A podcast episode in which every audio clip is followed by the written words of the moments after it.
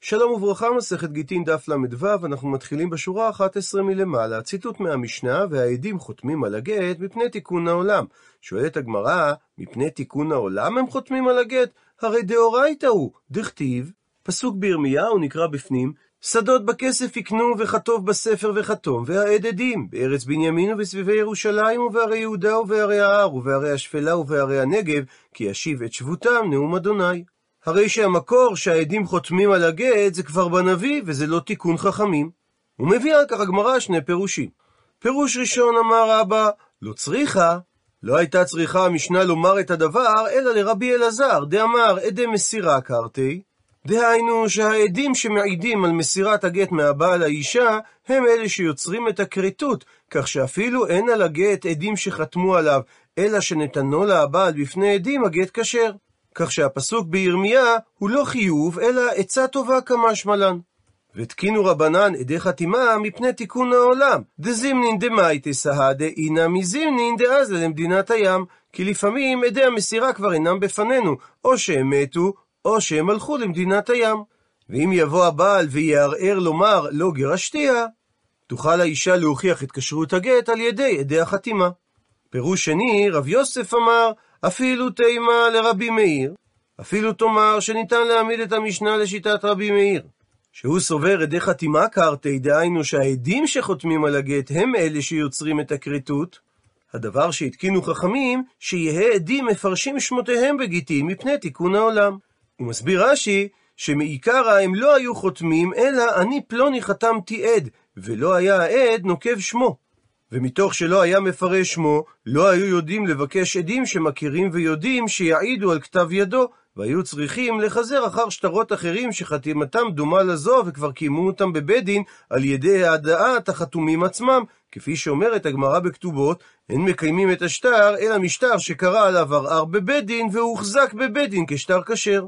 כדתניא, כפי ששנינו בתוספתא, שבראשונה היה כותב העד, אני פלוני חתמתי עד, ואז אם כתב ידו היה יוצא ממקום אחר, כשר, ואם לאו, פסול. אמר רבן גמליאל, תקנה גדולה התקינו, שיהיו העדים מפרשים שמותיהם בגיטים מפני תיקון העולם. שמאחר שהתפרשו שמותם, יחזרו אחר יודעיהם ומכיריהם להעיד על כתב ידם. מקשה הגמרא על דברי רב יוסף, ובסימנה לא מספיק שיחתמו העדים, והרב צייר קברה, היה מצייר דג כחותמת שלו, ולא היה חותם את שמו. ורבי חנינא לא היה חותם, אלא צייר חרוטה, שזה ענף של דקל. ורב חיסדא לא היה כותב את שמו, אלא היה כותב את האות סמך, ורב הושעיה היה כותב את האות עין, ורבא בר אבונה צייר מקוטה, שזה וילון ספינה, דהיינו מפרס. הרי שבפועל החכמים הללו לא חתמו את שמותיהם, אלא השתמשו באיזשהו סימן כחותמת. מתרצת הגמרא, שני רבנן דבקיעין סימניו. שונים החכמים האלו, שסימני החתימות שלהם ידועים, ולכן קל לקיים את הגט למרות שהם לא פירשו את שמותם. ומקשה הגמרא, אבל מעיקרא במה יפקעין הוא? כיצד נוצר המצב שהודיעו החכמים לבריות שאלה החתימות שלהם? והרי לא ייתכן שכך הם תמיד חתמו בשטרות, שהרי אמרנו שעוד לפני תקופתם חכמים התקינו מפני תיקון העולם שהעדים מפרשים את שמותיהם בשטרות. עונה הגמרא בדיסקי. אותם חכמים היו חותמים על שטרי שאלות ותשובות ושלומות, ועל ידי כך התפרסמו החתימות שלהם, ולכן הם יכלו להשתמש בהם גם בגיטים ושאר שטרות. ציטוט מהמשנה, הלל התקין פרוסבול וכולי. ומביאה הגמרא, תנן התם, שנינו שם במסכת שביעית את המשנה הבאה. פרוסבול אינו משבט. וזה אחד מן הדברים שהתקין הלל הזקן, שראה את העם שנמנעו מלהלוות זה את זה, ועברו על מה שכתוב בתורה, נקרא בפנים, הישמר לך פן יהיה דבר עם לבבך וליה לאמור, קרבה שנת השבע שנת השמיטה, וראה עיניך באחיך האביון, ולא תיתן לו, וקרא עליך אל אדוני, והיה בך חטא. ולכן עמד הלל והתקין פרוסבול, וזהו גופו של פרוסבול. מוסרני לכם פלוני, דיינין שבמקום פלוני, שכל חוב שיש לי אצל פלוני, שאגבנו כל זמן שארצה, והדיינים חותמים למטה או העדים. ובאופן כזה, האדם מוסר את שטרותיו לבית הדין, שהם יהיו נוגסים את חובו, והוא לא יגוס. ומקשה הגמרא, ומי איכא מידי? האם יש דבר כזה, דמי דאורייתא משמתא שביעית והתקין הלל דלא משמתא? האם ייתכן שמדין תורה השביעית משמטת את החובות, ועקר הלל על ידי תקנתו דבר מן התורה, שהשביעית לא תשמט חובות? והלא חכמים יכולים להוסיף, לתקן תקנות, לגזור גזרות, אבל הם לא יכולים לבטל בצורה אקטיבית דבר מהתורה. מביאה על כך הגמרא שני הסברים. הסבר ראשון אמר אביי, בשביעית בזמן הזה ורבי. הלל הזקן סבר כרבי שאמר ששביעית להשמטת מלווה בזמן הזה היא דרבנן. דתניא שכך שנינו בברייתא. רבי אומר, כתוב בתורה, וזה דבר השמיטה, שמות כל בעל משה ידו אשר ישה ברעהו, לא יגוס את רעהו ואת אחיו, כי קרא שמיטה לאדוני. ומלשון הפסוק, השמיטה שמות, למד רבי, שבשתי שמיטות הכתוב מדבר, אחת שמיטת קרקע ואחת שמיטת כספים. שהדברים תלויים זה בזה, בזמן שאתה משמט קרקע. לשיטת רש"י מדובר על איסור חרישה וזריעה בשנה השביעית, ולשיטת תוספות מדובר על שמיטת הקרקעות ביובל, כך או כך, בזמן שזה נוהג, אתה גם משמט כספים. דהיינו את שמיטת החובות בשביעית, אבל בזמן שאי אתה משמט קרקע, כגון עכשיו שבטלה קדושת הארץ, אי אתה משמט כספים. ואף על פי שהשמטת כספים היא חובת הגוף ואינה תלויה בארץ, למד רבי מהיקש של דבר השמיטה שמות, שלא נוהגת שמיטת כספים אם לא נוהגת שמיטת הארץ. והיה קשה לרש"י, כיצד ייתכן שהלל הזקן סבר כרבי? הרי הלל חי בתקופת בית שני, ואז ודאי שמיטה הייתה דאורייתא, ולכן מסביר רש"י שלשיטת אביי בבית שני, הואיל ולא היה יובל נוהג, גם לא נהגו שמיטין מדאורייתא אלא מדרבנן. ומה שאומרת הגמרא בארכין, מנו יובלות לקדש שמיטין, הכוונה מדרבנן. ואומר רש"י שיש על כך מחלוקת תנאים, שמצד אחד הוא מצא בתלמידי רבנו יצחק הלוי, שיש גמרא מסכת גיטין מהירושלמי שאומרת, מניין שאין השמיטה נוהגת אלא בזמן שיובל נוהג, שנאמר, וזה דבר השמיטה שמות, אחת שמיטת יובל ואחת שמיטת קרקעות. מצד שני, בתורת כהנים הוא ראה ששביעית נוהג בזמן שאין היובל נוהג, אלא בהכלך שיש בדבר מחלוקת תנאים. הפכנו דף, ותקנו רבנן בזמן הזה, דתשמט השמיטה את החובות זכר לשביעית, כדי שלא תשתכח תורת שביעית מישראל.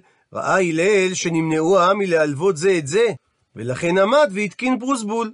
אבל אם כך, שואלת הגמרא הפוך מהשאלה הקודמת, ומי איכא מידי דמדאורייתא לא משמת שביעית ותקינו רבנן דתשמט? לאחר שהסברנו שלפי רבי שביעית בזמן הזה היא לא דאורייתא אלא דרבנן, אז אם כך מדאורייתא השביעית לא משמטת חובות. אז כיצד ייתכן שתקנו חכמים שהשביעית תשמט חובות, ונמצא הלווה שגובה את חובו גזלן על פיהם? עונה על כך, אמר אביי, שב ואל תעשהו. לא מדובר על עקירת דין תורה בצורה אקטיבית, אלא בצורה פסיבית, שהלווה הזה יושב ובטל ואינו עושה המצווה לפרוע את חובו, כך שהוא לא עוקר את דין התורה בידיים. ובאופן הזה, דהיינו בצורה פסיבית, מותר לעקור דבר מן התורה, כגון שופר ולולב. שחכמים תיקנו שאם ראש השנה חל בשבת לא תוקעים בשופר, וכן אם יום ראשון של סוכות חל בשבת, לא נוטלים לולב. ומביאה הגמרא הסבר שני לשאלה, כיצד ייתכן שמדין תורה השביעית משמטת חובות, והתקין הלל הזקן שהשביעית לא תשמט חובות על ידי פרוסבול? רבא אמר, הפקר בית דין הפקר, דהיינו, בין לחכמים שחלקו על שיטת רבי ואמרו ששביעית להשמטת מלווה בזמן הזה היא דאורייתא, יש כוח ביד הלל הזקן לתקן שעל ידי הפרוסבול לא תשמט השביעית את החובות. בין לשיטת רבי שאמר ששביעית הזמן הזה היא לא דאורייתא, מובן מדוע חכמים יכלו לומר שהשביעית כן תשמט חובות. מפני שבדבר שבממון אין עקירת דבר מן התורה, במקום שחכמים ראו צורך להקים סייג וגדר, מפני שהפקר בית דין בממון הפקר.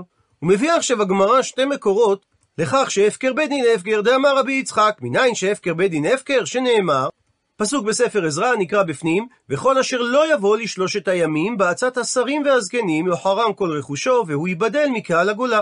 הרי שעזרא ואנשי כנסת הגדולה הפקירו את ממונם של מי שלא יבואו לאספה הכללית בירושלים, שהייתה בעניין הנשים הנוכריות שהיו לעולים מבבל.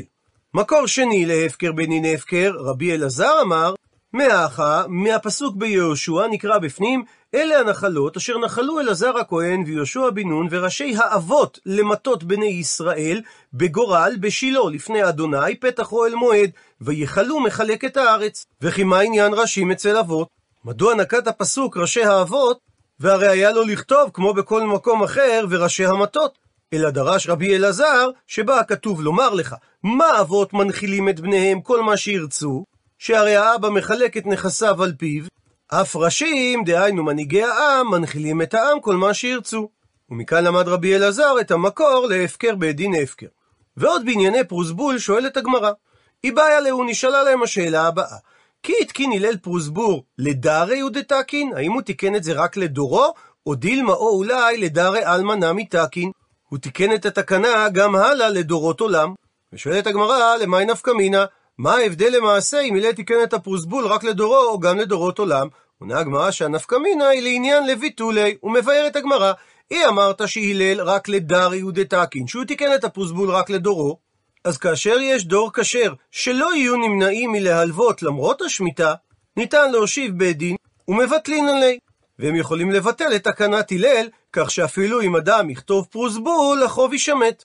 אלא היא אמרת שהלל לדרי אלמנה מתקין, שהוא לא תיקן את הפרוסבול רק לדורו, אלא גם לדורות שלאחריו, הא, יש כלל שאומר, אין בית דין יכול לבטל דברי בית דין חברו, אלא אם כן הוא גדול ממנו בחוכמה ובמניין. ואם כך, לא ניתן לבטל את תקנתו של הלל הזקן. אז מסיימת הגמרא, מאי? מה הדין? אומרת הגמרא תשמע, בו שמע הוכחה, דאמר שמואל, לא כתבינן פרוסבול, אלא אי בבית דינא דסורא, אי בבית דינא דנהרדעה.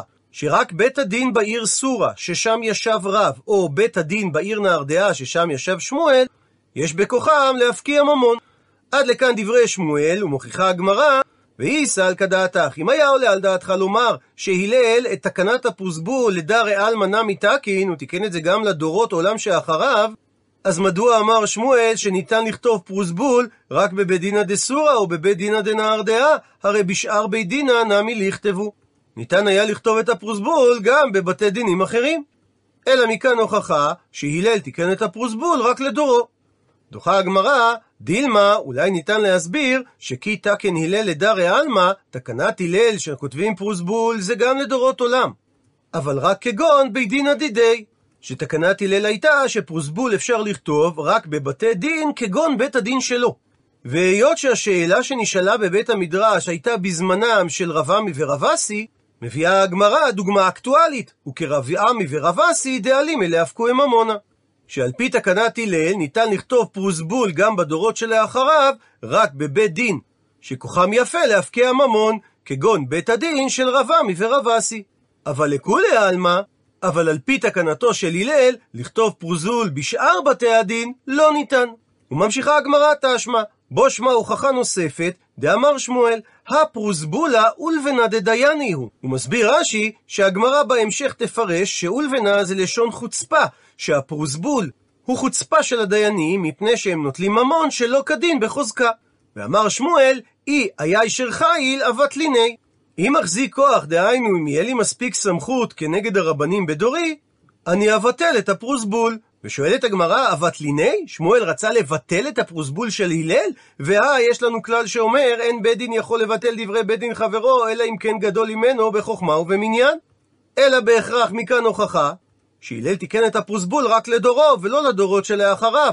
דאם לא כן, איך אמר שמואל שהוא רוצה לבטל את תקנת הפרוסבול? מתרצת הגמרא, הכי כאמר. כך צריך להסביר את דברי שמואל, שהוא אמר, אם הישר חיל יותר מהלל, אבת ליני.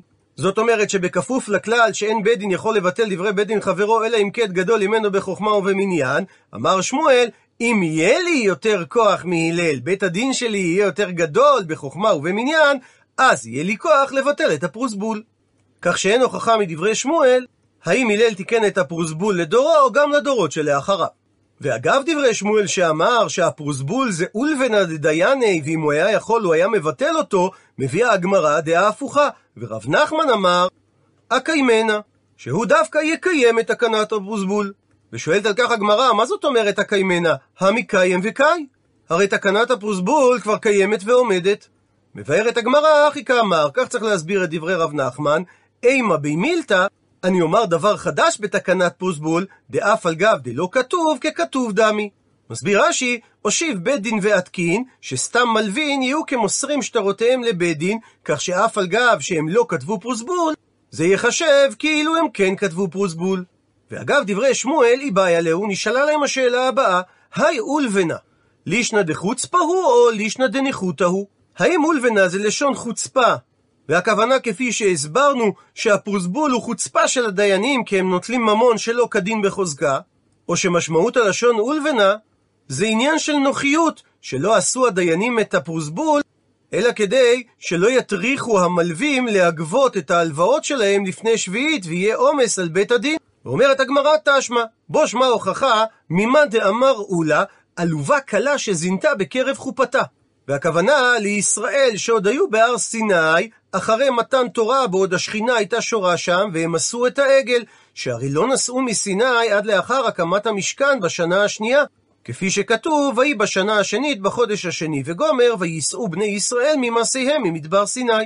ומשמע מלשונו של אולה שהמילה עלובה משמעותה חצופה. ואמר רב מרי ברדה בת שמואל, שהיה הבן של בתו של שמואל, מה יקרא? על איזה פסוק הסתמך אולה בדבריו? על הפסוק בשיר השירים, עד שהמלך במסיבו נרדי נתן ריחו. מסביר רש"י, שמסיבו הכוונה לחופתו, ובאותו הזמן נרדי נתן ריחו, דהיינו הבושם שלי עזב את ריחו הטוב. כי המילה נתן היא במשמעות של עזב, כמו שכתוב בפסוק, ולא נתן סיחון את ישראל עבור בגבולו. וזה המקור לדברי אולה שיש לדרוש על בני ישראל בחטא העגל שהם היו ככלה המזנה בחופתה. אמר על כך רבא, ועדיין חביבותא הוא גבן. שאף על פי שהזכיר קלקוליהם, לא הזכיר אלא במראית של חיבה. דכתיב נרדי נתן ריחו, ולא כתיב נרדי הסריח ריחו. וממשיכה הגמרא, תנו רבנן, שנו רבותינו, ברייתא נוספת שגם בה מוזכר. השורש עין ל"ב, הנעלבים ואינן עולבים, שומעים חרפתם ואין משיבים, עושים מאהבה ושמחים בייסורים, עליהם הכתוב אומר, בספר שופטים, ואוהביו כצאת השמש בגבורתו.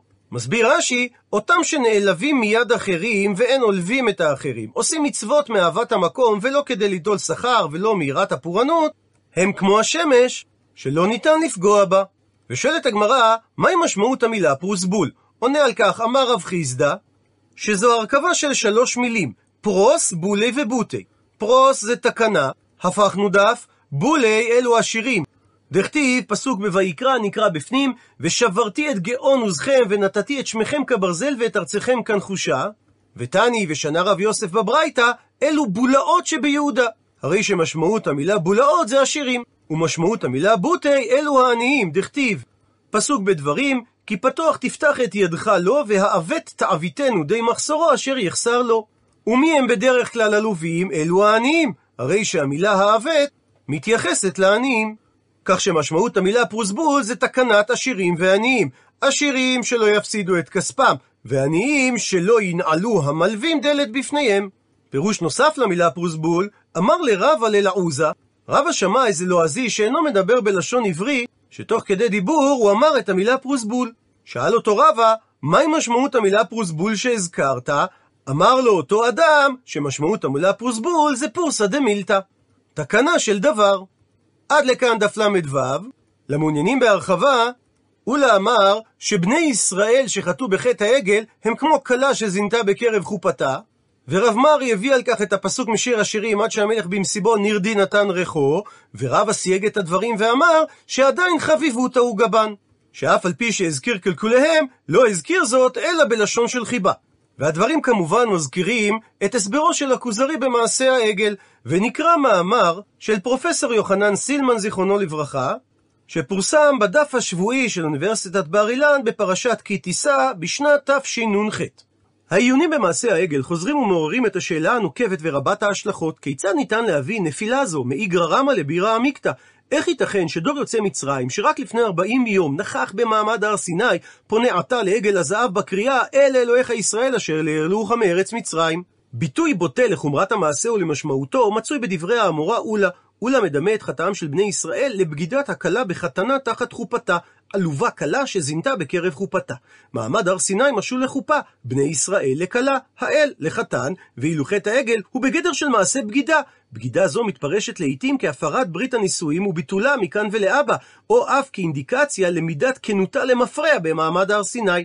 פרשנות זו פותחת פתח לערעור יסודות הטענה בדבר זיקתו הייחודית של העם היהודי לאל, ולפיכך היא גם בעלת משמעות רבה בעימות בין יהודים ללא יהודים, כשהיא תופסת מקום מרכזי בפולמוסים בין דתיים. הערעור על ייחודו של העם היהודי על רקע מעשה העגל מופיע במאמר בספר הכוזרי, בתגובתו האירונית של מלך כוזר, המייצג בספר הכוזרי את האדם הלא יהודי בדרכו ליהדות, לשבחים שהרעיף החבר, שהוא מייצג את היהודי הממלא תפקיד מרכזי בדרכו של הלא יהודי ליהדות, על בני ישראל. וכך כתוב שם, אמר הכוזרי, הישמר לך החבר, לבל תפליג בסיפור שבחיה של אומתך, ובל תסיח דעתך מן הדבר הנודע ברבים, דברי המורותם את אלוהיהם על אף המעמדות האלה. שמא שמעתי כי בעצם הימים ההם עשו להם עגל ויעבדו אותו ולא לאלוה. החבר מקדים דברים בשבח עם ישראל לעיקר תשובתו. לדעתו, הבנה נכונה של גדלות עם ישראל, מקורה ומשמעותה, מבטלת מיני וביה את האפשרות לראות בחטא העגל גילוי לנחיתותו הבסיסית של עם ישראל, או לחילופין כגורם להיווצרותו. עיקר גדולתו של עם ישראל איננה מושתתת על אירוע חד פעמי כלשהו דוגמת מעמד הר סיני, אלא היא מעוגנת בתכונותיו התורשתיות, שמקורן עוד באדם הראשון. מכאן יובן שאין דרכו של רבי יהודה הלוי בהבנת מעשה העגל כדרכו של אולה. לדעתו אין מעמד הר סיני דומה לחופה, ואין חטא העגל דומה לבגידת כלה בחתנה תחת חופתה. ברם, הדגשת גדולת עם ישראל מחזקת את הקושי להבין את מעשה העגל, ובהתאם לכך חוזר מלך כוזר ומקשה אף ביתר תוקף.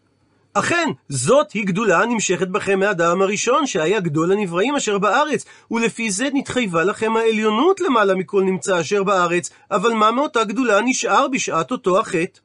בתגובת החבר לדברים אלה מסתמנים כיווני מחשבה שונים שהמכנה המשותף ביניהם הוא הסבר החטא על ידי הקלה בחומרתו, וזאת בלי לגרוע ממעלתו של עם ישראל. בראשית דבריו הוא תולה את מעשה העגל באילוצים היסטוריים, שבדיעבד יש להתחשב בהם. לדעתו, בתקופה שבה אירע מעשה העגל, מן הנמנע היה לכונן זיקה שתהיה מקובלת על המונים, בלי שהאל יצטייר בדמיונם כדמות הפתוחה לצפייה חושית. בהתאם לכך, גם האל הופיע לפני בני ישראל בצאתם ממצרים באמצעות עמוד הענן ועמוד האש, והוסיף עוד, כי יורד אליהם מהם האלוה, דבר מה אשר יראו ויכוונו אליו. אילוצים היסטוריים אלה, וברוח פרדוקסלי גם ההבטחה האלוהית הכרוכה בהם, מקלים בחומרת מעשה העגל. עלייתו של משה לשמיים נועדה למילויה של הבטחה אלוהית זו, והעם עמד בתחתית ההר והמתין בדריכות לשובו, כשבידו הדבר המצופה. העם היה סבור בטעות שמשה יחזור אליהם עוד ביום שבו עלה, ואולם הוא התעכב בשמיים 40 יום. כתוצאה מכך גברה האכזבה, ומתוך תשוקה כנה לעבודת האל, ניסו כמה מהם ליצור דמות שתמלא את התפקיד שאמור היה הדבר למלא, וכך נוצר עגל הזהב. מכאן שאין החטא שבעשיית העגל בגדר של עבודה זרה, וכדברי החבר, כל חטא העגל לא היה אפוא יציאה מעבודת אל מוציאה ממצרים, כי אם עבירה על אחת ממצוותיו, כי הוא יתברך אסר את עבודת התמונות, והם עשו להם תמונה. היה עליהם להוסיף להמתין למשה, ולא לעשות להם סמל מדעתם. בהמשך דברי החבר, מסתמן כיוון מחשבה אחר. בהשוואה לכיוון הקודם, מתמקד התפקיד של האילוץ ההיסטורי בהסברת העכבות הנפשיות של בני דורו, המתקשים להבין את פשר עבודת האל באמצעות תמונות, ובכללה את פשר מעשה העגל. והחבר מתמודד עם קשיהם על ידי הצבעה על מרכזיותן של התמונות בעבודת השם המקובלת גם עליהם, וזאת במגמה לשמר את אחדות קהלנו. בכוח הנמקה סוציולוגית זו, הסברת מעשה העגל איננה כרוכה יותר בהנחות בדבר נחיתותה של התקופה שבה אירע המעשה, כי הנחיצות העקרונית לתמונות היא נחלת כל הדורות.